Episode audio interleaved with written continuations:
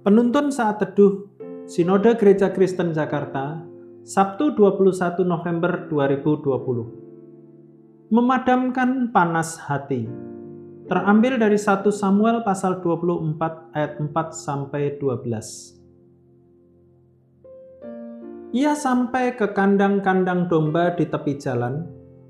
Di sana ada gua dan Saul masuk ke dalamnya untuk membuang hajat. Tetapi Daud dan orang-orangnya duduk di bagian belakang gua itu.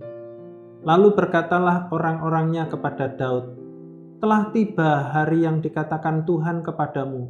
Sesungguhnya aku menyerahkan musuhmu ke dalam tanganmu, maka perbuatlah kepadanya apa yang kau pandang baik." Maka Daud bangun, lalu memotong punca jubah Saul dengan diam-diam. Kemudian berdebar-debarlah hati Daud karena ia telah memotong punca Saul.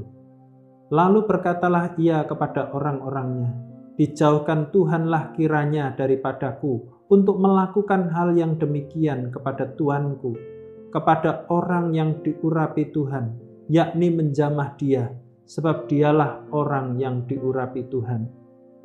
Dan Daud mencegah orang-orangnya dengan perkataan itu. Ia tidak mengizinkan mereka bangkit menyerang Saul, Sementara itu Saul telah bangun meninggalkan gua itu, hendak melanjutkan perjalanannya. Kemudian bangunlah Daud, ia keluar dari dalam gua itu dan berseru kepada Saul dari belakang katanya, Tuanku Raja, Saul menoleh ke belakang, laut, lalu Daud berlutut dengan mukanya ke tanah dan sujud menyembah. Lalu berkatalah Daud kepada Saul, Mengapa engkau mendengarkan perkataan orang-orang yang mengatakan, "Sesungguhnya Daud mengikhtiarkan celakamu." Ketahuilah, pada hari ini matamu sendiri melihat bahwa Tuhan sekarang menyerahkan engkau ke dalam tanganku dalam gua itu.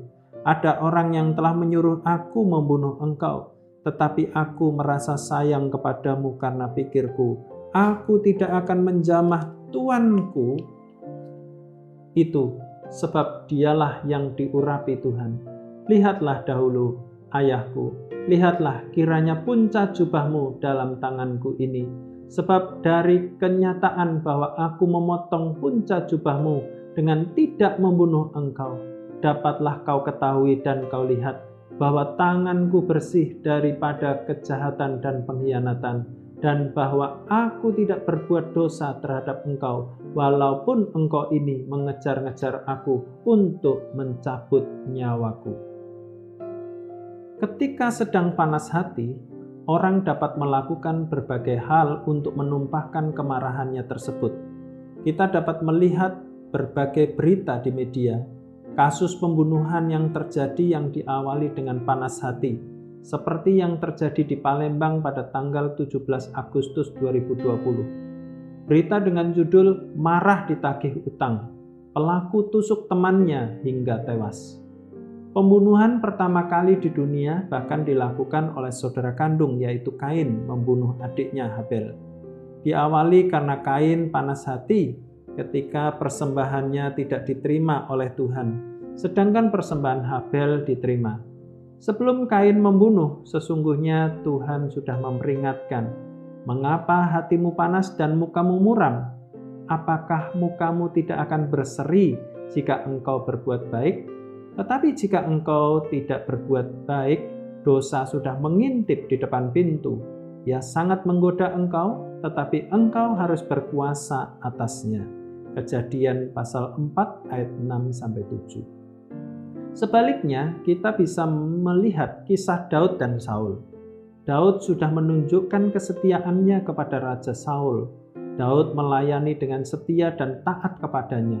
Tapi siapa menduga merasa posisinya terancam karena Daud semakin populer, Saul justru mau menyingkirkan Daud.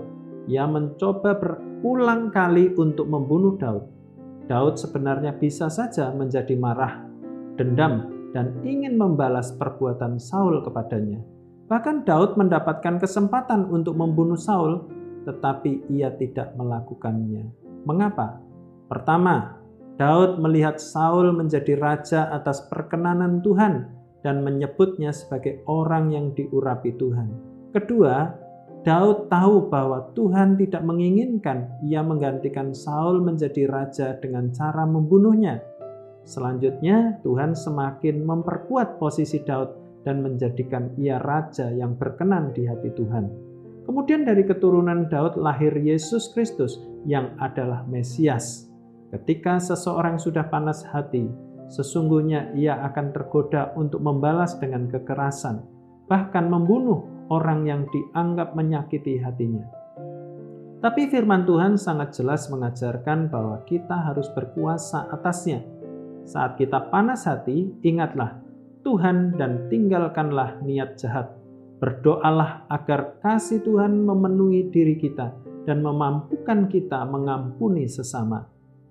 Saat kita panas hati, perlu didinginkan dengan cara mengingat kasih dan kebaikan Tuhan. Tuhan Yesus memberkati.